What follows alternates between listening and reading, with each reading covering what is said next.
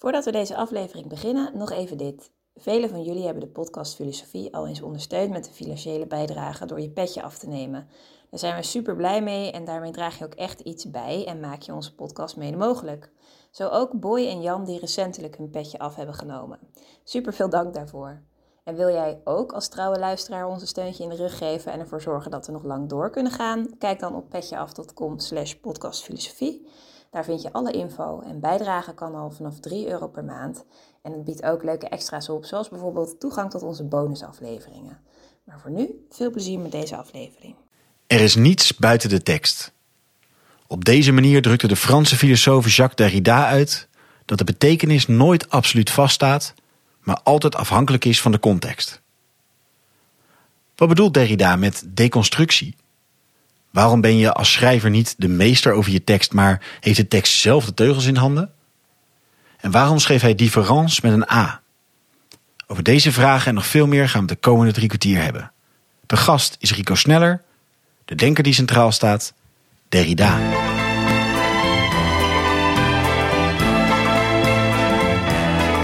Vers Dag, goed dat je weer luistert naar een nieuwe aflevering van de podcast Filosofie van het Santre Erasme, School voor Filosofie. Mijn naam is Allard Amelink en het concept van deze podcast is wel bekend. Een hoofdgast, een presentator en een sidekick. En in ongeveer 45 minuten duiken we in het denken van één filosoof. En aan tafel vandaag Jozef Vaanders. Hallo, Allard, opnieuw. Heb jij iets uh, gelezen van uh, de filosoof in kwestie die we vandaag bespreken? Ja, ik heb, ik heb, verschillende boeken van hem proberen te lezen, maar ben toch altijd ergens ook verdwaald in de onbegrijpelijkheid ervan. Dus een kenner kan ik me zeker niet noemen. Nou, heel goed. Dan uh, ben je net zo open en ontvankelijk als ik deze podcast. aan tafel wel een bekende van ons. Rico Sneller studeerde theologie en filosofie in Utrecht, Leiden en Parijs. En doseerde filosofie en ethiek aan de universiteiten van Leiden en Eindhoven. Momenteel is hij werkzaam als docent filosofie aan de Mendeville Academy, het Jungiaans Instituut. En hij is gastdocent aan de Al-Farabi Universiteit in Almaty in Kazachstan. En eerder hoorde je Rico wellicht al over Jung en over Socrates. Maar Rico promoveerde ooit op Derrida en vertaalde ook drie teksten van Derrida naar het Nederlands. Dus vandaag gaan we het met hem hebben over Jacques Derrida. Welkom weer Rico. Bedankt. Mooi dat je hier voor de derde keer bent. Je trekt dan toe tot een uh, illuster gezelschap van mensen die tot driemaal toe al in de podcast zijn geweest. Grote dus, eer. Ja, ja, precies. Ik weet niet of je al een vierde in gedachten hebt waar je het over kan hebben. Maar oh ja. Dat, uh, oh, nou, heel goed. Nog twintig. nou, kijk, heel goed. Nou, We zijn nog niet van Rico af. We gaan het dus hebben over uh, Jacques Derrida. Geboren in 1930 in Algerije. In een Joods gezin. Ten tijde van de Tweede Wereldoorlog mocht hij daarom niet naar school. We werden van het lyceum afgestuurd. In 1949 verhuisde hij naar Frankrijk. Hij studeerde aan de École Normale Supérieure te Parijs. Eh, bij onder andere Michel Foucault en uh, Louis Althusser. Hij doseerde aan diverse universiteiten in Parijs. En ja, hij wordt gezien als een van de grondleggers van het poststructuralisme en de postmoderne filosofie. En ja, die filosofie heeft een enorme invloed gehad op de filosofie zelf. Maar ja, ook op de literatuur, het recht, de geschiedenis, de architectuur, de politicologie. Kortom, een invloedrijk denker. En hij overlijdt uiteindelijk in 2004 in Parijs. Dat is natuurlijk relatief kort geleden, Rico. En jij hebt hem ook nog een keer ontmoet. En nog college bij hem gevolgd. Ja, ik heb in 1990, 91 in Parijs filosofie gestudeerd. En heb toen ook zijn wekelijkse seminair bijgewoond. Dat was open voor, uh, voor iedereen eigenlijk. En dat was op zich een interessante beleving. Die tijd begon ik me ook zelf met zijn werk bezig te houden. Ik was eigenlijk nog tamelijk onvoorbereid. En uh, later heb ik uh, Derrida nog een keer ontmoet in Tilburg. Bij een seminair was georganiseerd voor promovendi. En uh, nou, daar heb ik hem ook uh, deelgenomen aan de besprekingen. ging over politiek de l'amitié, als ik me niet vergis. En ik heb hem ook uh, in de wandelgangen aangeschoten. op meerdere keren, maar niet altijd met evenveel resultaat. Toen ik bijvoorbeeld vroeg hoe de Hollandse keuken hem had gesmaakt... kwam er een antwoord uit, dat bestond uit één woord. goed punt. Ja. Gesprek besloten. um, een tweede keer ging het iets langer. Toen vroeg ik uh, of die Heidegger ook ooit wel eens had ontmoet. En het antwoord was uh, nee. Nou, dan viel er einde gesprek. Diepe stilte. Uh, maar toen vervolgens ging hij door. En toen zei hij van ja, maar hij is hier. Hij is hier. Heidegger is hier. Heidegger die kijkt naar ons. Heidegger, Heidegger bespiedt ons. Nou, die uitspraak die uh, vond ik ongelooflijk fascinerend. Ik had toen echt het gevoel, ik sta hier tegenover een waanzinnige. uh, die, uh, die natuurlijk waanzinnig en dus geniaal is. Of geniaal en dus waanzinnig. En, dus dat, die uitspraak die heb ik nog wel eens aangehaald. Dat vind ik interessant. Dus dat is ook interessant als het gaat om het thema van de dood.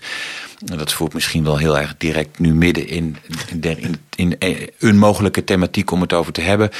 Maar eh, dus die, die terloopse uitspraak van Derrida over een, overleden filosoof die er is en die naar ons kijkt.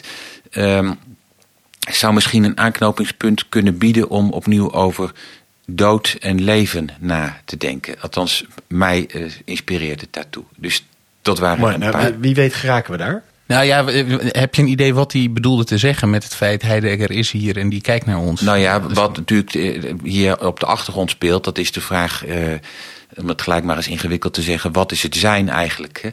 Of is, is het zijn er wel? Wat overigens zijn grote kritiek uh, is geweest op de filosofie van Heidegger, dat het zijnsbegrip daar uh, als het ware het sleutelbegrip leek te zijn, van waaruit de hele werkelijkheid en uh, het bestaan en het denken moest worden uh, ingezet en ontsloten. En uh, ja, dan is de vraag, wat dan? Als het zijn, het begrip van het zijn, of het, de term zijn al tekort schiet, wat dan? Nou, dat, dat is weer een, een nieuwe vraagstelling. Maar een, fysische benadering van de werkelijkheid, waarbij de materie uitmaakt al wat er is eh, en de niet-materie wat er niet is, die is hiermee dus eigenlijk voorgoed te pas afgesneden. Uh, de zijnsvraag uh, is uh, door Derrida bij Heidegger ook afdoende bekritiseerd of op losse schroeven gesteld. Ja, dus dan is de vraag van als, wat wel. Wat wel hè? Dus als, jij zit hier al tegenover mij uh, maar ja, ja. ben je er wel, hè? Ja. Ben je er wel. Dus die vraag die wordt dan, zodra je eerst de, de vanzelfsprekende begrippen uh, hebt ondermijnd of op losse schroeven gesteld, dan pas, maar dan ook dan pas, uh, komt er zicht op een andere verschijningswijze, op een ander soort fenomenaliteit. in het licht waarvan het onderscheid tussen leven en dood ook ja, instabiel wordt en onduidelijk wordt. Ja. Uh, dus dan is eigenlijk de, degene die, van wie wij zeggen die is dood, die is er niet meer, die leeft niet meer. Uh, ja, dat, we weten eigenlijk niet wat we daarmee zeggen. Ja. Want we doen alsof we weten wat leven en aanwezigheid is. En dood is dan het andere daarvan. Maar we weten niet wat aanwezigheid is. Nee, dus dan weten we ook niet wat afwezigheid precies, is. Nee, precies. Dus het is eigenlijk een soort destabiliserende uitspraak. Ja, en zo heb ik die zelf opgevat. uh, maar ja, uh, je kunt. Harde, sorry, Derrida die zegt het veel korter. Ja, en uh, dat functioneert ook. Maar, maar ergens is misschien een haakje naar zijn, de kern meer van zijn denken. Dat, dat het loslaten van zelfsprekende begrippen.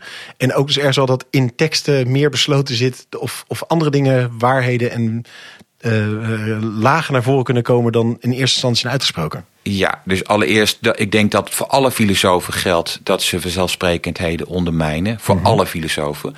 Maar dan ook echt voor alle filosofen. Dat het bijna. Alle echte filosofen. Alle echte filosofen. ja. Een, een filosoof is altijd een echte filosoof. Ja. Anders is het namelijk geen filosoof. Nee, heel goed, heel goed. Ja. Um, maar goed, dus voor Derrida ook. Maar oké, okay, als je dus uh, voor het eerst oppervlakkig kennis neemt van zijn werk, dan uh, zie je daar een auteur die niet zelf uh, het woord voert, althans niet rechtstreeks zich tot de lezer richt, maar dan zie je daar iemand die schrijft over andere teksten. Mm -hmm. het hele oeuvre van Derrida bestaat uit commentaren op andere teksten. Van meestal filosofen, maar ook, uh, ook niet te volnachtzame literaire teksten. Uh, ook bijvoorbeeld de Bijbel. Uh, het hangt er vanaf waar je die onder wilt scharen. Literatuur of filosofie of misschien nog weer wat anders. Dus dat passeert allemaal de revue. En soms ook door elkaar heen. En Derrida die schrijft door te becommentariëren. Dus eigenlijk door te lezen. En in die leesstrategie, of het is geen strategie, dus Derrida zegt ik heb helemaal geen strategie. Maar goed, die, dat traject wat hij dan ingaat, dat brengt hem op onvermoede uh, inzichten. die ertoe leiden dat wat de tekst ogenschijn- ogenschijnlijk eh, zegt, eigenlijk helemaal niet door de tekst wordt gezegd. Althans, door diezelfde tekst ook wordt tegengesproken. En eh, nu formuleer ik het tamelijk staccato en droog. Maar eh, waar ik het over heb, is iets echt iets ongelooflijks. Want Derrida is niet zomaar een willekeurige interpreet. eh, zoals we er vele van hebben. Hè. Die hebben een, een filosofische tekst gelezen en doen daar ook hun eigen plas over, om zo te zeggen. En, eh, nou, en publiceren dat. Maar Derrida's lezing van andere teksten is, beschouw ik, reken ik onder de wereldwonderen.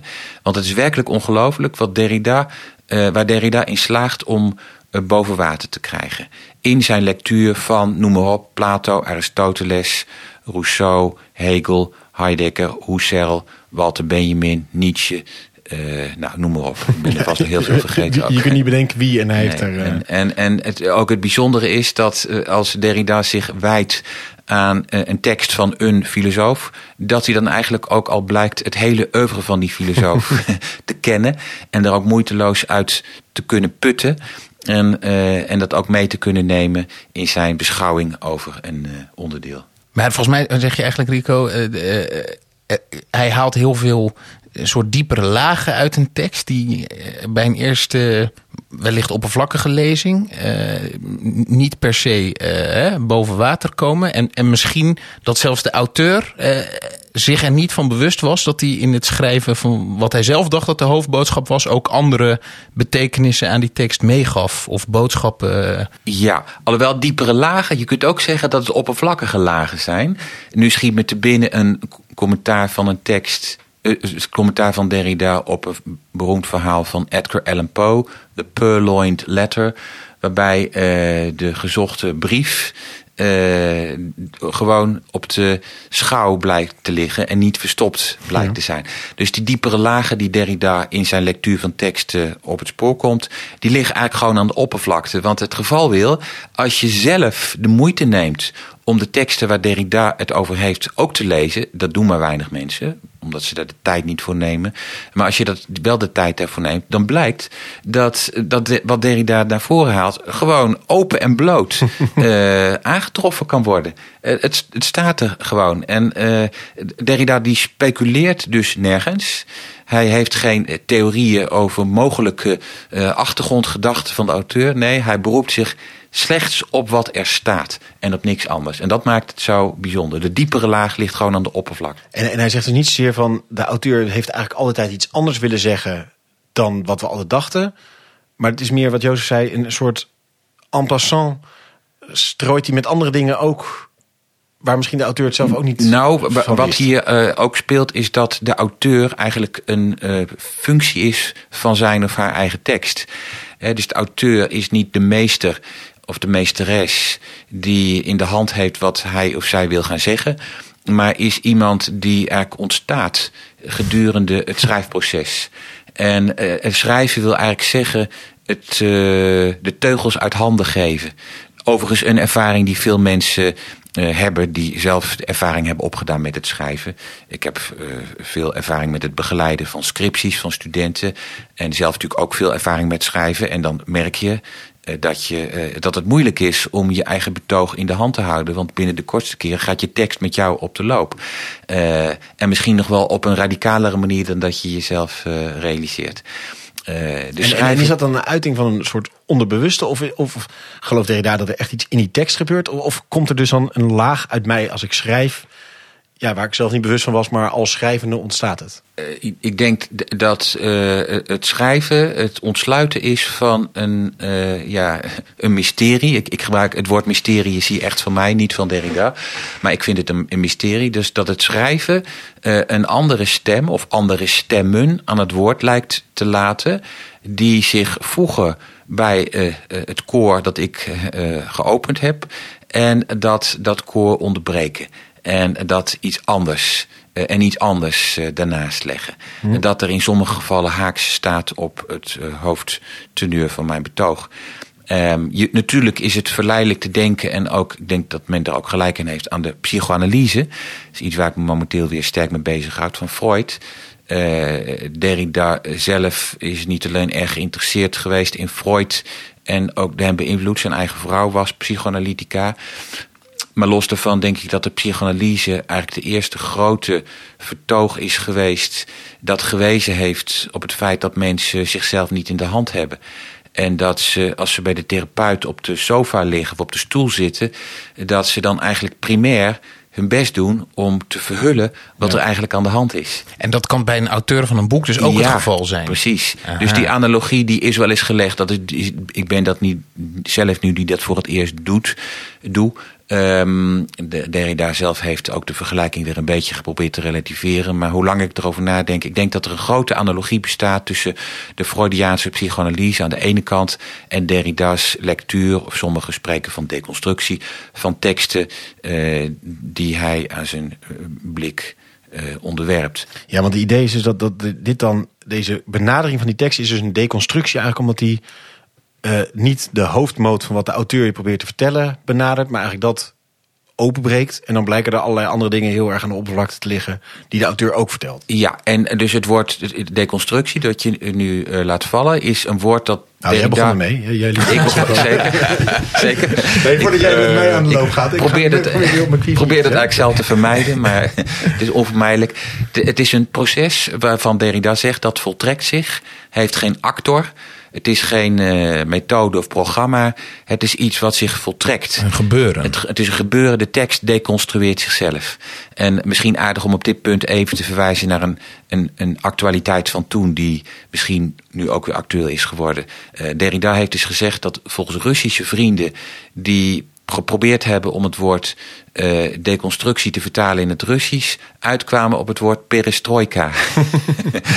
dus dat is heel erg eh, bijzonder. We kennen het woord perestroika nog uit de tijd van Gorbachev, Gorbachev. ja. Ja, dus eh, deconstructie is iets wat zich voltrekt. eh, ook en vooral in de tekst. En, Eh, en met het lezen gebeurt dat dan? en dat- je leest en het, en het Precies, en lezen, zich. en lezen is eigenlijk iets wat zich op meerdere re- registers voltrekt. Wat is lezen? Je kunt, eh, het is net als we hadden het net over filosoof. Eh, Wat is een filosoof? Een filosoof is altijd een goede filosoof, anders is het geen filosoof. Dus lezen is altijd goed lezen, anders is het geen lezen. En goed lezen wil zeggen dat je alles leest. En dat je probeert alles in het leesproces te betrekken. En dat er niets aan je waakzame blik ontsnapt. Nou, van Derrida kun je zeggen dat hij goed leest, ontsnapt niets aan zijn waakzame blik. Nogmaals, als ik de vergelijking mag trekken, de goede psychoanalyticus die de eh, cliënt in ogenschouw neemt, eh, de cliënt die een heel verhaal afsteekt. En ondertussen vergeet dat hij zenuwtrekken heeft met zijn eh, rechterwang. Of dat hij met zijn eh, linkerhand of been zit te trekken. En de eh, therapeut die heeft dat al lang gezien. Hè? Dus daar kun je het misschien een beetje mee vergelijken. Derrida ontsnapt niets aan zijn waakzame blik. En die... of je, Of de misschien je- auteur van een tekst. Of een, een auteur van een tekst ontsnapt niet aan de waakzame blik van de lezer. De tekst, dat is dan de, eigenlijk de, precies, in de, het geval van de, dit, tekst, Derrida die een tekst leest, die probeert eh, eh, eigenlijk zoveel mogelijk eh, mee te nemen eh, in het leesproces zelf. En ja, wat is dat uiteindelijk? Gewoon lezen. Maar het kan is niet nog verzinnen. een, nog een, kan het zo zijn, want dat, is- dat is even de, de, de, de, de, de vraag die bij mij een beetje blijft hangen. Kan het zo zijn dat Derrida iets in die tekst vindt waarvan de auteur van die tekst niet wist dat het erin zat? Ongetwijfeld, absoluut, absoluut, absoluut, zeker. Dat is eh, wat, wat de auteur weet. Eh, Stel dat wij dat al weten wat de auteur weet, dat is al probleem één. Maar stel dat we dat zouden weten. Kijk, de auteur die ziet zich, eh, laten we gewoon zeggen, de, de mens die zit te schrijven, die eh, ziet zich geconfronteerd met een, eh, ja, een weerbarstige taal. Hè, eh, Dat geldt zowel voor de spreker als ook voor de schrijver. Dat zodra iemand zijn mond open doet of begint te schrijven, ontdekt dat de taal met hem of haar op de loop gaat. Eh, Het getuige, het, eh, als ik nu even me beperk tot een mondeling gesprek, want daar speelt het ook al, eh, hoeveel misverstanden er niet zijn tussen mensen. Hè? Iemand die zegt, ja, maar dat bedoel ik helemaal niet. Ja, maar waarom zeg je het dan, zegt de ander dan. Eh, Dus er zijn talloze eh, voorbeelden aan te wijzen waarop de andere persoon wijst op de effecten, de onbeoogde effecten van wat ik zeg. dan wel wat ik schrijf. Nou, de hele problematiek rond sociale media, Ja. eh, die is daar een, een hedendaagse illustratie van. Maar en, en eh, dit is dus nou, dit eh, gaat hij doen. En het voltrekt zich als hij leest, omdat hij waakzaam leest, dan ontstaat er vanzelf een vorm van deconstructie. Eh, vindt hij daar vervolgens iets nog weer een lijn in? Of, of eh, ontdekt hij dan bij Plato iets en dat, dat ziet hij dan plotseling bij, weet ik veel, Walter Benjamin ook iets? En ziet hij daar nog weer verband tussen? Of gaat hij gewoon allerlei teksten door en komt toevallig allerlei dingen tegen die toevallig aan de oppervlakte liggen, die mensen nooit zien? En is dat het? En heeft hij daarna Nou. dus een hele bonte verzameling aan ja, onverwachte inzichten bij teksten? Ja, laat ik zeggen beide tegelijk. Hè? Dus beide tegelijk. Want het is, Derrida probeert eh, op geen enkele manier, laten we zeggen met één vondst, die hij telkens weer opnieuw aantreft, eh, zijn eigen filosofie. eh, Alsof er een rode draad door alle marges Precies, heen zit, zeg maar. want die, die is er niet. Al het is geen continue rode draad. Maar er, er is wel iets wat je, wat, eh, waar je de term voor kunt gebruiken... die Derrida onder andere aan Levinas ontleent. L'autre, de of het andere, iets anders. Eh, eh, iets anders wordt mede uitgesproken in de tekst. Of wordt mede opgeschreven. Maar dat, andere, dat probeert Derrida met allerlei telkens verschillende termen ehm, voor het voetlicht te brengen. En eh, die termen die vormen een soort ja, een rode draad door het werk heen. Die eh, van, van ja, anderen zouden zeggen begrippen, maar je kunt ze een beetje termen of denkfiguren noemen. Die een constante in Derrida's oeuvre vormen. Ik verwijs nu naar termen of begrippen als eh, la différence, gespeld met een A, le supplément, écriture, tekst, pharmacon. eh, nou, ongetwijfeld nog een aantal. Eh, en dat zijn dus eh, termen, eh, klassiek geformuleerd begrippen, die voor Derrida als een soort sleutel fu- fungeren en, en die door de tekst zelf worden aangereikt, waarmee de tekst zichzelf ontsluit. Ehm dan neem de term différence, dat is misschien wel de meest bekende en vaakst aangehaalde. En dat is het, Met een A Met dus? een A gespeld, precies. Ja. Ik kan het niet uitspreken. Ja, maar dat wel. dus de, de, in de difference zou normaal met drie E's zijn. Nu is dus de tweede E wordt een A. Eh, différence. eh, de tweede, ja, ja precies. Ja, sorry, dat is een eh, beetje kritisch, precies. maar ja. ja. dus de, différer in het Frans betekent eh, zowel verschillen als uitstellen. Het normale zelfstandige naamwoord is différence, verschil. Maar met een A gespeld, wat helemaal niet kan, althans niet volgens de grammatica, suggereert Derrida dat, eh, dat het. Dat, eh, waar, waar différence voor staat, een beweging is waarin wordt uitgesteld doordat er een verschillen aan de gang is. Het is heel abstract en ingewikkeld geformuleerd, excuses daarvoor. Différence is een term die Derrida gebruikt om een oergebeuren in teksten aan de orde te stellen. Een, een gebeuren dat erop neerkomt dat eh, het thema of het bedoelde van de tekst van meet af aan alleen kan verschijnen in een context die er zin en betekenis aan geeft. Dus nooit zelf in volle glorie, maar afhankelijk van een specifieke context. Waardoor de, de echte betekenis van de tekst voortdurend aan uitstel onderhevig is. Eh, dus een tekst is in die zin eigenlijk een soort belofte die belooft iets wat nooit wordt waargemaakt of in wordt gelost. Nou, Ja. Dat gebeuren, dat duidt Derrida aan met de term différence. En die term die laat Derrida als het ware eh, organisch opkomen uit teksten die hij leest. Eh. Bijvoorbeeld, eh, en- en Derrida is er de eerste om te zeggen... ja, ik heb die term niet verzonnen, want ik ontleen hem aan... eh, nou, te beginnen Heidegger, die spreekt over ontisch ontologisch verschil... eh, het verschil tussen zijn en zijnde... Of hij verwijst ook naar eh, Karl Marx en Nietzsche en Freud, die ook op eigen wijze, eh, en Hegel natuurlijk, met de term eh eh, differens aan de haal zijn gegaan. Dus Derrida wil zijn eigen oorspronkelijkheid uitwissen.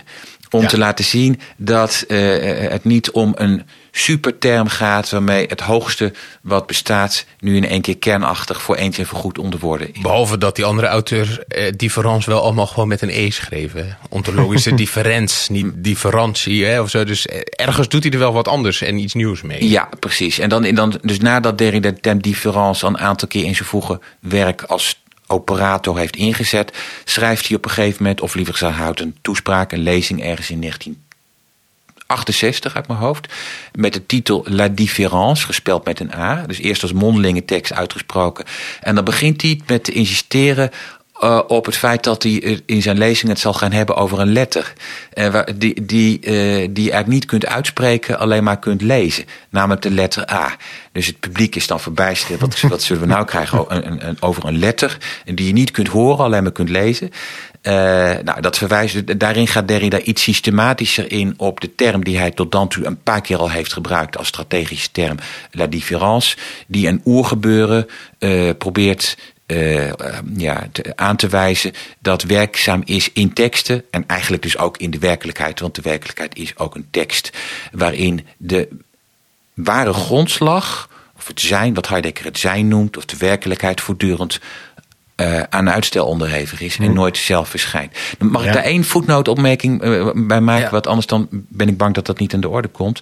En dat is een, een, een, een inzicht dat in tweede instantie, nadat men zoveel jaar over zo'n tekst van Difference heeft nagedacht, is er bij diegenen die hebben gewezen op de toch wel bijzondere relatie van Derrida tot het Jodendom, heeft de gedachte postgevat dat hier ondanks Derrida's eigen bedoeling, toch een soort reminiscentie aan de orde is aan, uh, de Jood, aan Joodse mystiek, aan de Kabbalah. Hm. Uh, en dan denk ik met name aan een motief dat je in de Joodse mystieke traditie tegenkomt dat uh, als God in Exodus 20 zich richt op de berg Sinai tot het Joodse volk, zegt: Ik ben de Heer jullie God die jullie uit het land Egypte heeft uitgeleid. Dat het, het woord dat hij daar gebruikt voor ik, anogie, dat begint met een alef. En de alef is een Hebreeuwse, de eerste letter van het Hebreeuwse alfabet. Maar anders dan onze A is het in het Hebreeuws medeklinker. En die kan niet worden uh, uitgesproken. Het is een zogenaamde glottislag. En een glottislag betekent, dat is de scheiding die je eh, maakt met je spraakorgaan tussen twee klinkers. Als wij bijvoorbeeld zeggen naapen, dan zit tussen die twee A's of zee, eend, dan zit daar een glottislag tussen. Ja, ik kan hem niet uitspreken. Nee, het is uh, onuitsprekelijk. Ja. Dus ja. in de Joodse mystiek is er dan wel gezegd van uh, God begint met onuitsprekelijk te zijn. Nee, en in den beginnen was de onuitsprekelijkheid. Dus nou ja, dit is iets wat Derrida zelf onmogelijk heeft uh, willen zeggen. Maar ik verbeeld mij dat het wel zinvol is om daar toch een relatie mee te leggen. En nu doe jij eigenlijk met Derrida wat Derrida met heel veel andere auteurs heeft gedaan. Zijn. Namelijk ergens in Derrida besloten ligt iets wat hij zelf niet uit heeft willen drukken. Namelijk deze relatie. Zeker. In alle bescheidenheid en voorzichtigheid. Maar ik doe een poging om dat niet als de laatste hermeneutische sleutel over Derrida uh, uit te strooien. want dat zou eigenlijk uh, onderidiaans zijn. Maar, maar, maar, nog heel even over de. Jij legt een link tussen dit en het aatje van de difference? Of, uh, ja, precies. Want die A van difference, die zegt Derrida, die is onuitsprekelijk. Hè? Die kan alleen maar gelezen worden. Ah, want je spreekt hem uit ja, zoals... Ja, En een anekdote hieraan, dat is voor de luisteraars misschien ook leuk. Dat is toen Derrida al met deze term naam had gemaakt. En het was voor hem een reden om hem gauw weer te laten vallen. Maar het publiek had hem langzaam wat opgepakt. Er was er een keer een etentje waar Derrida's moeder aanwezig was. En daar zaten ook allemaal intellectuele vrienden van hem. En het gesprek uh, ging toen over de différence. En dat Derrida dat met een A speelde. En toen mengde zijn moeder zich in het gesprek. En die zei van... Ah, Jackie, tu écris différence avec une A.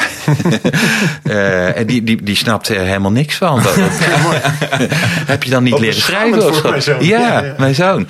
Uh, Jackie was overigens de naam Zijn die Derrida van zijn... Nee, niet zijn koosnaam. Dat is zijn eigenlijke naam.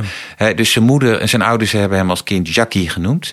Eh, Jackie, Jackie, Jackie. Eh, maar later heeft hij er zelf Jack van gemaakt. Maar zijn, noemde, zijn moeder noemde hem altijd Jackie. Eh, en die moeder, die, oh, Derrida heeft het wel eens geschreven. Mijn moeder die zal nooit iets van mij lezen. Die heeft niks van mij gelezen. Dus was, ja, was geen gecultiveerde vrouw. Eh, dus die was hoogst verbijsterd dat Derrida naam had gemaakt met een foutieve schrijver. Ja, ja. Hey, Enrico, je, je zegt nou nu de hele prachtige verhaal van die, van die... De echte betekenis is altijd uitgesteld aan uitstel onderhevig. Het is een eeuwige belofte die daarin zit. Eh, eh, vreemd, maakt hij dat groot, dat punt? Zeg maar? Want dat is wel een, een soort... eh, ja, groot alomvattende gedachte ergens, zeg maar. Ja, ja en nee. Kijk, het is aan de hermeneutici, dus degene nou, waar ik mezelf ook toe reken, die probeert Derrida te lezen en toch ook in een brede kader te plaatsen. Want het, dat wil je toch ook als lezer. Het is natuurlijk, je kunt Derrida blijven herhalen, maar daar schiet je niet zoveel mee op. Je moet toch ook de durf hebben om iets groter te durven, grote lijnen te trekken. Uh, wat, iets wat Derrida zelf, de koste wat dat kost, vermijdt. Hè. Hij blijft zich verstoppen achter teksten en de teksten zelf als het ware het woord laten voeren. Om zelf niet het woord te hoeven nemen. Uh, maar wat ik zelf, wat voor mij belangrijk is geweest in mijn eigen interpretatie van Derrida, dat is toch, hoe je het ook went of keert, zijn eigen verhouding tot het Jodendom. Mm -hmm. En het Jodendom uh, is natuurlijk ook een ondefinieerbare cultuurhistorische grootheid. Iemand die maar iets van het Jodendom afweet, die weet dat je het Jodendom niet kunt definiëren. Dus daar zit je eigenlijk alweer.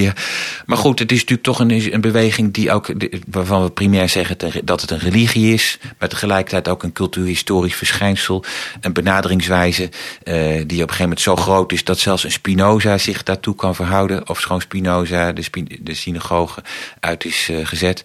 Um, als je kijkt naar het Jodendom, um, dan zie je dat uh, nogal wat Joodse motieven um, hebben, de nadruk hebben gelegd op het feit dat de schepping um, niet af is en dat de schepping eigenlijk um, een gebeuren is dat nog zijn beslag moet krijgen. Dat nog moet worden gerealiseerd.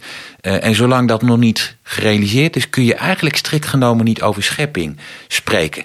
Uh, dus dat is een heel erg eigenaardige manier van spreken en denken. Zo'n permanente wij... Sagrada Familia is het, is het nog in aanbouw en is ja, het niet af. Precies. We zijn gewend in de christelijke traditie met name om te denken over schepping als veroorzaking. Zes dagen hè? afgerond. Uh, uh, precies. En, en dat met terugwerkende kracht heeft dat het denken over de schepping sterk beïnvloed.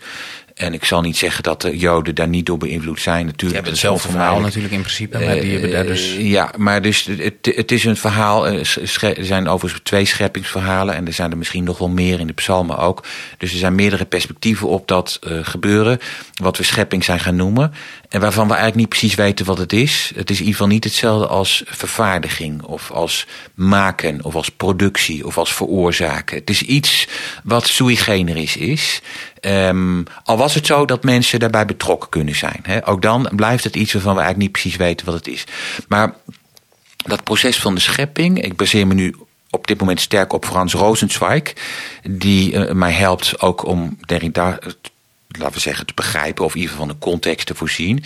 Uh, Rosenzweig, uh, een, een, iemand die een stuk ondubbel, ondubbelzinniger Jood was dan dat Derrida dat was. Mm -hmm. uh, die zichzelf Jood heeft genoemd ook. En ook uiteindelijk orthodox Jood is geworden. die spreekt over schepping, openbaring en verlossing. De grote drieslag. die de, het historische gebeuren kenmerkt. Maar, zegt Rosenzweig, van schepping is er pas sprake in het licht van openbaring. En openbaring is dus pas sprake in het licht van verlossing. En nu komt het, de verlossing is nog geen werkelijkheid geworden. Dus eigenlijk kun je zeggen, is de schepping ook nog uh, niet echt. Er is geen schepping. En je nou, vertelt dit verhaal, Rico, omdat dat, daar zit een metafoor tussen deze opvatting van een schepping die niet afgerond is, die gaande is, waarvan we dus nog niet het geheel of de betekenis kunnen overzien. Dat is een metafoor voor hoe Derrida een tekst beschouwt. Ja. Namelijk, je bent onderweg in de tekst, je bent hem aan het, zolang je hem aan het lezen bent, hè, weet je nog niet wat het geheel te zeggen of te betekenen heeft. Voort ook op een bepaalde manier. En brengt hij zichzelf, jij als lezer, ook de interpretatie mede voort? Is, het zo, is, Zeker. is dit een metafoor? En, en, uh, absoluut, dankjewel voor deze toelichting. En uh, wat we er ook ogenblikkelijk bij moeten zeggen, dat de tekst zich niet beperkt tot uh, boeken. de wereld is ook tekst. De geschiedenis is tekst. Mijn leven is tekst. Waarom?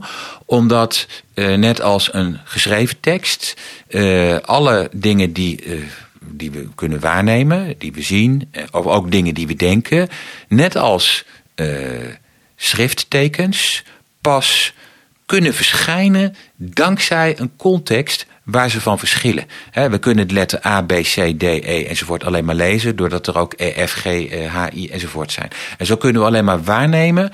doordat de waargenomen uh, verschijnselen verschillen van andere verschijnselen. En zo voort enzovoort. Waardoor er nooit een volheid is die zich presenteert uh, zonder afhankelijk te zijn van een context.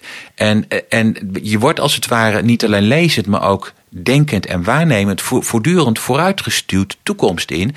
Uh, in de richting van een belofte dat datgene wat ik waarneem ook werkelijk is. En dat is nog niet het geval.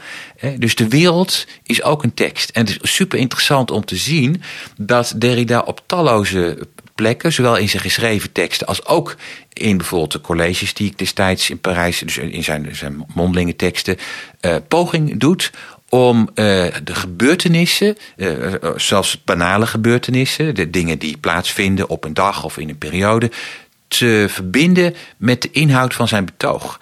Als was het zo dat er geen absoluut begin is van een betoog en van een tekst, maar dat de tekst of het betoog altijd al begonnen continuum, is. Continuum, voortdurend continuum. Het is een continuum, ja. En, en er, is, er is geen begin aan te wijzen. Er is geen begin. Er is alleen herhaling. En dus Derrida zegt ergens een beetje provocatief: in den beginnen was de herhaling. Alles begint met herhaling. Valt hieraan ook te knopen, en dat is die beroemde uitspraak van hem, iets van er is niks buiten de tekst, of il y a pas de hoog tekst, of zo. Dat, is een, beroemde zin die altijd gequote wordt als het over Derrida gaat. Aangehaald, ja. Dus Valt dat hier aan te... Il y a pas de hoog Ja, er, er is dus geen uh, ja, fenomeen of geen verschijnsel of geen idee, geen gedachte, geen, geen ding, essentie die uh, het kan stellen buiten een context. Mm -hmm. uh, en laten we het maar gelijk concreet maken. De problematiek waar Derrida dit bij uitstek ook op verbindt, dat is bijvoorbeeld God, de openbaring van God. aan wie in de geschiedenis door mensen een absolute, zelfstandige, restloze betekenis is toegeschreven. Nou, die, die, valt eigenlijk onder dezelfde problematiek als we alles ondervalt. Een openbaring van God is altijd een openbaring die ondergaat in een context en daarmee ook uh, haar eigen uh, ondeelbezinnigheid moet prijsgeven. Uh, en dus altijd ook ambigu wordt. Uh, als we kijken naar de christelijke gedachte van de openbaring in de figuur van Jezus Christus. Uh, Jezus, of God is mens geworden en dat betekent mens onder de mensen. En daarmee ook zijn goddelijkheid heeft ja, een afgelegd. ding in de context van alle andere Ja, contexten. of een mens te midden van andere ja. mensen. En natuurlijk aan wie mensen dan uh, een, een speciale betekenis toeschrijven. Maar die speciale betekenis die blijft ook altijd aangevochten en ongewis. Die kan nooit met absolute zekerheid nee. worden omschreven. En dan wordt in de traditie van het christendom verwijzen naar de Heilige Geest. Maar ja, dat is eigenlijk het verplaatsen van het probleem. dus dit zijn thema's die Derrida in zijn werk heeft aan de orde heeft gesteld. Ook in het verlengde van Heidegger. Die uh, ja, in een vergelijkbare zin heeft gesproken over een God die als die zich, Heidegger dus, als die zich zou openbaren, zich alleen in de sfeer van het zijn kan openbaren. Dus als zijnde, zijnde onder andere zijnde. En daarmee ook zijn ondubbelzinnigheid meteen kwijtraakt. Dus die gedachte die neemt Derrida eigenlijk van Heidegger over. En dat betekent dat openbaring nooit meer kan worden verbonden met één unieke of speciale gestalte. En dat, als ik dat in iets breder kader Zou je nou plaats... niet aan één specifiek gestalte, omdat het dus altijd weer in de context is en altijd weer in ambigu wordt en in context staat en weer herinterpretabel ja, is. En de figuur van Jezus, die, waarin ligt, nu noem ik het even het meest prangende Je kunt niet één, één harde rotsblok in het midden zetten wat niks mee gebeurt is cultuurhistorisch en is ook zelf is, ook interessant. Jezus zelf heeft er alles aan gedaan om zijn eigen uh, bijzondere karakter uit te wissen. En niet alleen voor anderen, maar ook voor zichzelf. Hè. Was ook voor hemzelf een vraag. Hè, dit is een constante in de traditie van de openbaring. Dat uh, geen absolute openbaring kan worden aangewezen. Maar dat openbaring pas laten we zeggen, nou absoluut is te veel gezegd, maar betekenisvol wordt. Wanneer ik mijzelf op de een of andere wijze met een openbaringsgebeuren kan verbinden. Ik maak nu zijsprongetje naar Levinas, om vandaar weer naar Derrida terug te gaan. Levinas heeft ooit eens gezegd, uh, uh, être Messie, sorry, le Messie c'est moi. Uh, être moi, c'est être Messie. De Messias, dat ben ik. En ik zijn, dat we zeggen Messias zijn. En dat is een hele behulpzame uitspraak die mij heeft geholpen om Derrida te begrijpen.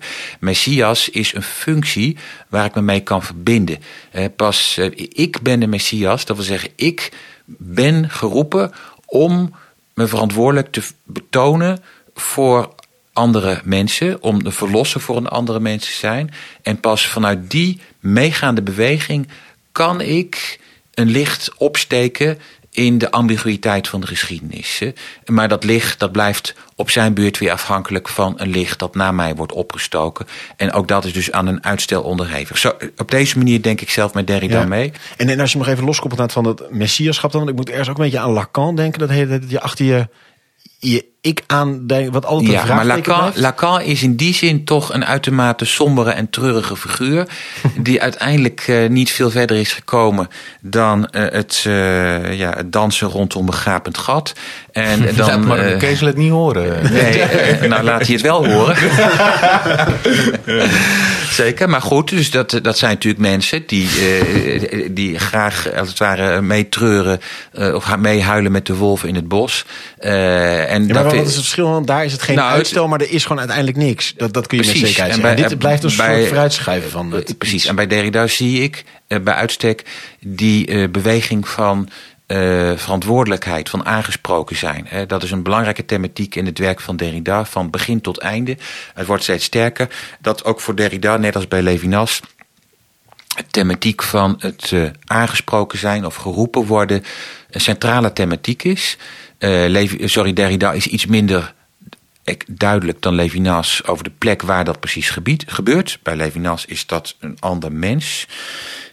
Bij eh, Derrida eh, eh, is dat eh, niet uitsluitend een ander mens. Het kan overal in een, een, levenservaring zijn. Eh, een dier, eh, in, het, eh, in sommige gevallen ook. eh, dat er een appel van buiten op mij afkomt, dat mij als het ware tekent en dat mij als het ware ook voortdrijft. Ik denk dat Derrida zelf als mens, als filosoof, ook door een dergelijk appel voortgestuwd is. Derrida is niet iemand die, laten we zeggen, zijn messen sleep om eens even wat zijn eigen ego te botvieren, zoals heel veel eh, mensen met de sociale media vandaag de dag doen, om hun eigen nikszeggendheid te te maskeren met gespierde uitspraken. Eh, ik zie Derrida ook iemand die eh, ook verrast was door zichzelf. Eh, sta me toe om te verwijzen naar een uitspraak die Derrida's beoogde promotor Jean Hippolyte ooit tegen hem he- heeft gedaan. Derrida is lang met een proefschrift bezig geweest over Hegel. Het proefschrift is uiteindelijk niet geslaagd. Maar eh, Derrida citeert ergens eh, wat Hippolyte tegen hem heeft, hem heeft gezegd... Van, eh, eh, nou, tegen zijn promovendus, de jonge Jacques Derrida... ik begrijp niet waar jij eh, naartoe gaat... eh, eh, Jacques, eh, of monsieur Derrida. Ik, ik, snap, ik snap het niet. Wat, wat ben je, waar ben je mee bezig? En eh, Derrida die heeft daarover gezegd in een commentaar, een publiek commentaar. Eh, hij zei, als ik op dat moment geweten had waar ik heen ging... zou ik geen stap verder hebben gezet. hè. Waarmee hij als het ware eh, een soort ja, zin toeschrijft... aan een onvoorspelbare gang eh, in zijn leven. waar hij zich aan heeft overgegeven. En die hem van A naar B naar C heeft gebracht. En, en wat was dat appel dan om, om dat pad aan te gaan? Ik denk het wel, ja. Hè, Het is het appel, het, een, een appel om bepaalde nou, roep te volgen. Om een bepaalde roep te volgen. En ook in teksten thema's bloot te leggen die op het eerste gezicht frustrerend lijken te zijn. Laten we zeggen voor de auteur of voor de betoogtrand van de tekst. Maar die op het tweede gezicht ongelooflijk appellerend zijn. Ik, als ik eh, mag, zou ik daar een voorbeeld van kunnen noemen... uit wat ik zelf een van de mooiste teksten van Derrida vind. Maar ook een van de moeilijkste, Gla.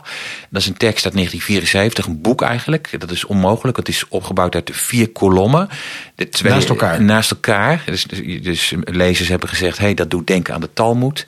Waarop Derrida heeft gezegd, dat is ook merkwaardig. Ik ken de Talmud helemaal niet. maar desalniettemin... eh, eh, Merkwaardig, want dat is waarschijnlijk niet waar? Of? Nee, dat is waar. Der- Derrida kent het, dus, de- ja, kent het Talmud niet. Maar is dat niet religieus inderdaad- opgevoed. Niet religieus op, althans ja, eh, eh, formeel religieus. eh, zeg maar met een vormendienst. Dus geen doorleefde Joodse religie.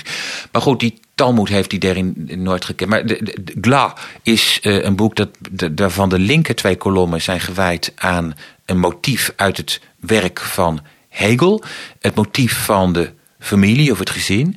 En de rechter twee kolommen zijn gewijd aan een heel ander iemand, namelijk de Franse schrijver Jean Genet.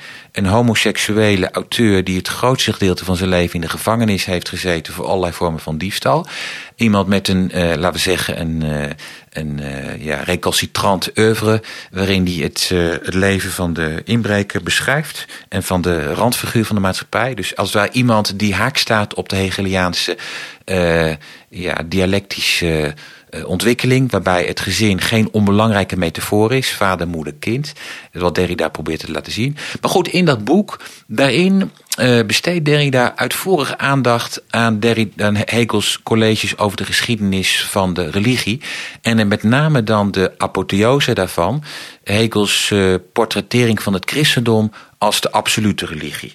Dat is overigens een cliché dat de hele christelijke traditie een rol heeft gespeeld, wat Hegel eigenlijk alleen maar op noemen brengt. En waarin we dan tot onze verbijstering moeten lezen, zeker naar Auschwitz natuurlijk, waar Hegel geen weet van heeft gehad, maar wij wel, dat volgens Hegel het Jodendom een achterhaalde religie is en dat de geest niet uh, uh, zich verlaagt om een woning te kiezen in een dorpblad. Over in dergelijke termen spreekt Hegel over het Jodendom.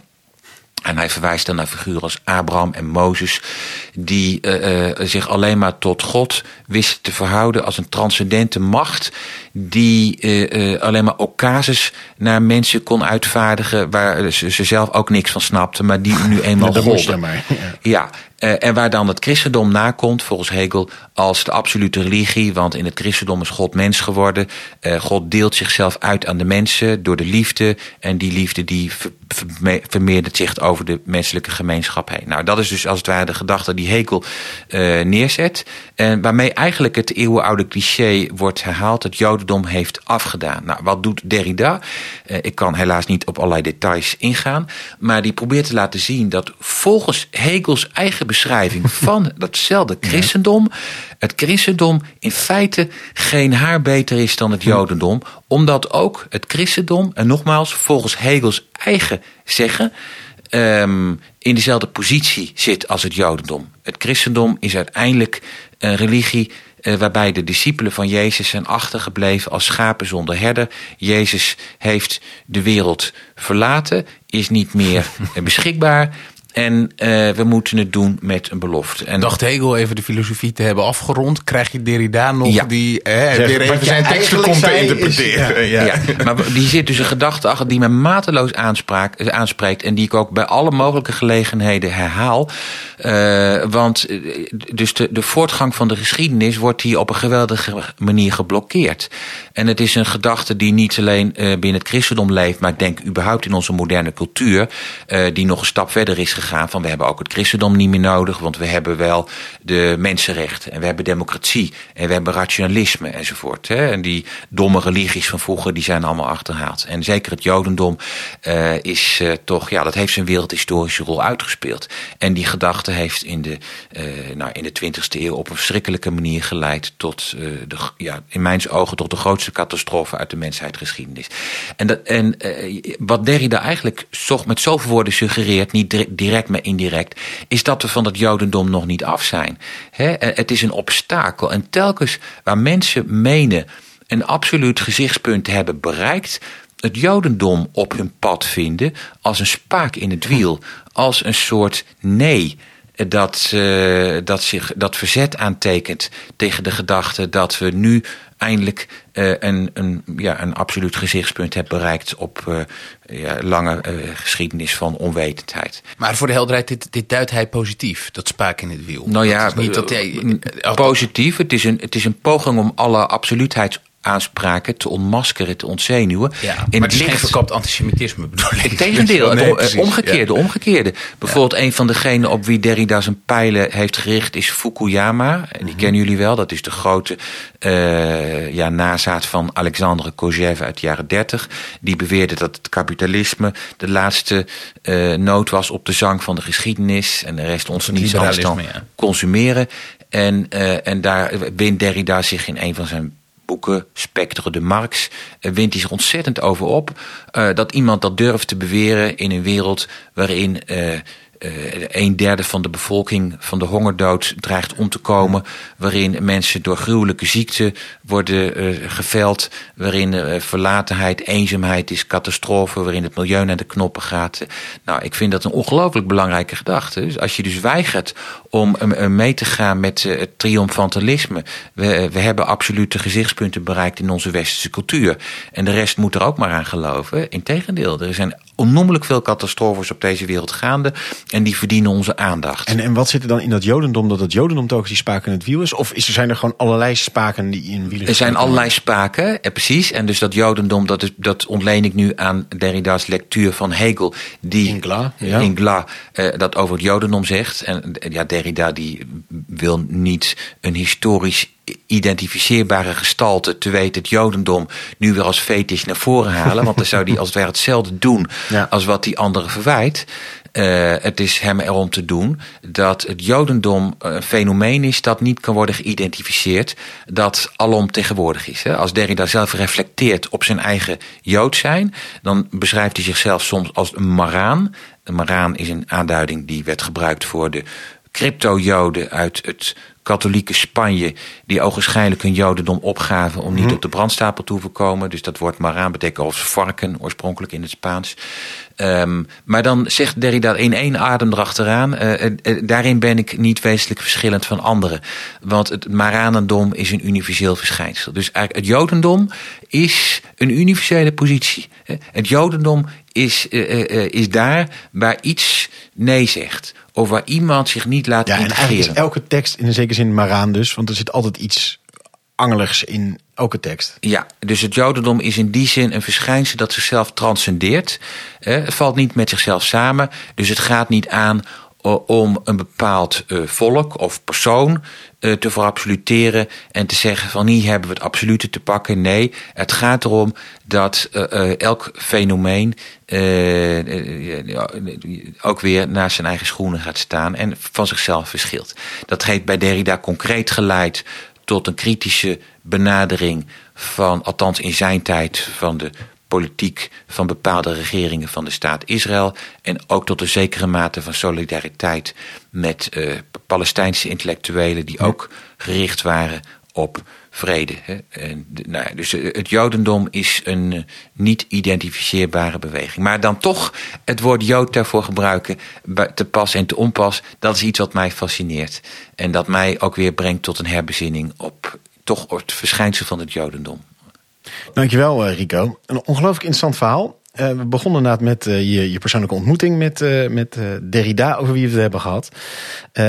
of die Heidegger had ontmoet? Nee. Um, maar volgens ontstond er toch wel een interessant gesprek over. Nou, Heidegger kijkt misschien wel met ons mee. Um, over ja, de onduidelijkheid van begrippen. De vanzelfsprekende begrippen die op, de, uh, op ja, losse schroeven komen te staan. Van wat is nou eigenlijk leven, wat is er zijn en wat is dan dood van er niet zijn. Dat is allemaal heel onduidelijk.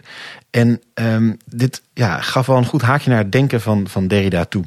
Een auteur die eigenlijk zelf nauwelijks het woord voert, eigenlijk alleen maar schrijft over teksten van anderen.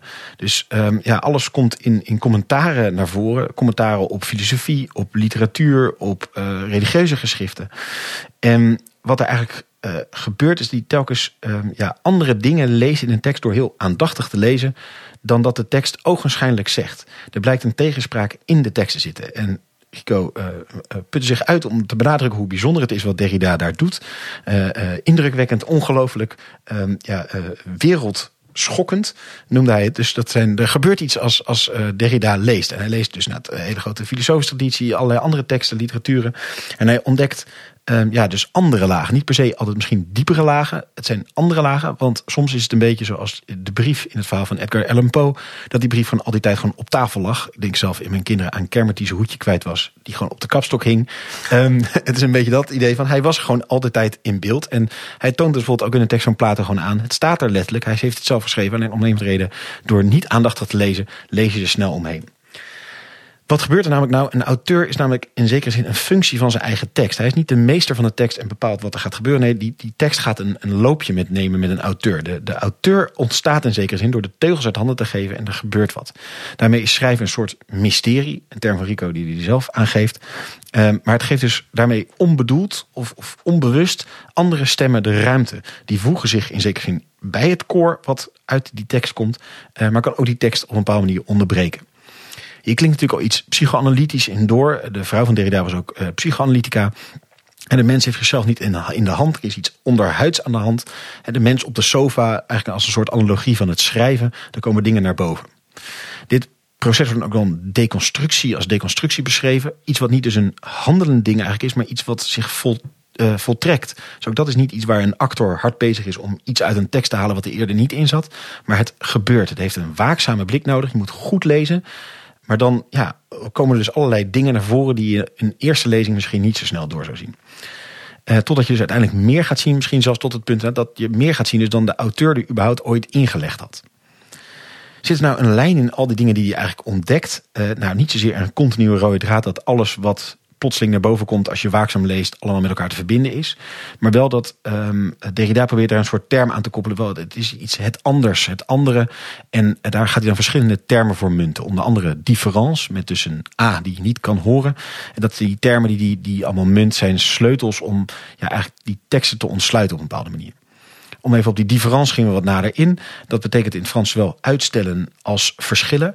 En hij zegt, ja, dat is eigenlijk het oergebeuren wat in teksten zit. Het bedoelde van de tekst kan alleen verschijnen in een specifieke context. Maar de echte betekenis ja, stelt zich dan altijd weer uit. Want het is dan de betekenis in die context. En dus die ware betekenis die wordt eigenlijk het ware met een soort sneeuwschrijver vooruitgeduwd. En komt in de volgende context komt weer een andere betekenis ervoor. Maar het blijft een eeuwige belofte wat de werkelijke kern van die tekst is. De werkelijke betekenis. Omdat die in elke andere context dus op een andere manier weer verschijnt hiervan zegt Derrida dan ook weer van, ja, dit is een, een groot inzicht, maar ik bedenk dit allemaal weer niet zelf. Ik heb niet een soort uh, eigen superbegrip. Nee, ik lees dit gewoon bij anderen. Ik vind dit ook weer. En uiteindelijk maakt hij het eigenlijk nog een stap groter door te zeggen, ja, uiteindelijk geldt het hele verhaal voor wat tekst is, geldt voor alles. Want eigenlijk is de hele werkelijkheid een tekst waarbij ook die uitstel er dus eeuwig in zit. Um, nou, dat koppelden we onder andere aan de term eh, de, de A van difference, die je dus niet kan horen als je het uitspreekt. Um, dat, dat koppelt uh, uh, Rico mooi aan de Kabbalah, waar dan volgens nou wordt gesproken over de onuitspreekbare eerste klank in de naam van God. de Alef, zoals je inderdaad tussen, weet ik veel het woord, zooloog ook zo'n klein stiltetje hebt zitten. God begint al met een onuitspreekbaarheid. Ja, dus ook met die A van difference. Er is dus iets onuitspreekbaars wat er principieel in zit. Als je dan toch naar het kijkt naar een bredere lijn waar je Derrida in wil plaatsen, dan uh, maakte uh, Rico een paar goede uh, verbindingen die hij legde.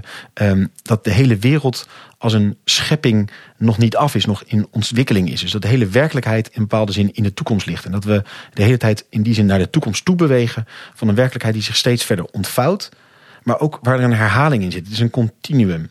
Er is uiteindelijk niets buiten de tekst.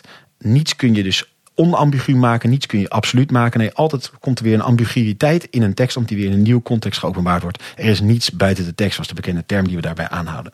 En ook dus, nou, openbaring wordt pas relevant in relatie tot iemand of iets of een context.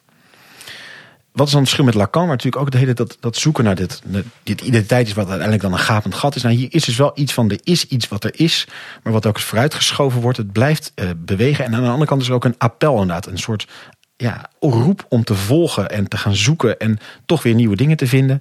Ook al is dat frustrerend of moeilijk of, of, of complex. Um, mooi wat promotor zei, ik snap niet helemaal waar je heen naartoe gaat. En dat daar later Derrida daarop reageerde met, ja, uh, als ik het had geweten, had ik geen stap meer verder gezet. Kortom, het is een pad wat je moet aangaan voor je gevoel. En waar je steeds weer wat verder geleid wordt naar onbekende plekken. Uh, we hebben nog tijd gehad over het werk Gla, waarin die Hegel en Jean Genet naast elkaar zet. Uh, wat een, al een hele mooie combi is in twee contexten naast elkaar gezet. Um, waarin die uiteindelijk in het uh, ja, ook in Hegel eigenlijk een kritiek op het christendom ziet. Al wil Hegel juist zeggen dat het christendom het eindstuk is. Nee, daarin ziet hij dus dat in als je het weer poogt om het absolute neer te zetten, komt er eigenlijk vanzelf uit zo'n tekst weer een angel naar voren. En dat was dan in dit geval het jodendom. Het is geen doorblad. Nee, uiteindelijk blijkt die kritiek precies ook op het christendom te slaan. En zo gaat ook voor de kritiek van, uh, van Derrida op Fukuyama. Weet je, zo'n eindpunt kun je niet formuleren. Hoe komt dat, daar, koppelt dat aan het Jodendom? Die term Maraan is dan mooi inderdaad. Dat dus inderdaad uh, onder, uh, ja, soort ondergrondse Joden ten tijde van de Spaanse Inquisitie. Die dus inderdaad onderhuids Jood waren en aan de buitenkant katholiek. Zo zit het dus eigenlijk in ons alles is iets ook iets, ja, een soort angel of iets disruptiefs. Wat dus in teksten zit, maar in de hele werkelijkheid zit. Niets is absoluut, maar altijd in die soort disruptie die er vanzelf uitkomt. En die dus zich voltrekt. Ontzettend interessant verhaal. Rico, dankjewel. Dankjewel Jozef ook. En jij weer heel hartelijk dank voor het luisteren. Jullie luisteren altijd in grote getalen. Dat wordt zeer gewaardeerd. Laat een review achter als dat kan. En uh, deel vooral ook deze aflevering.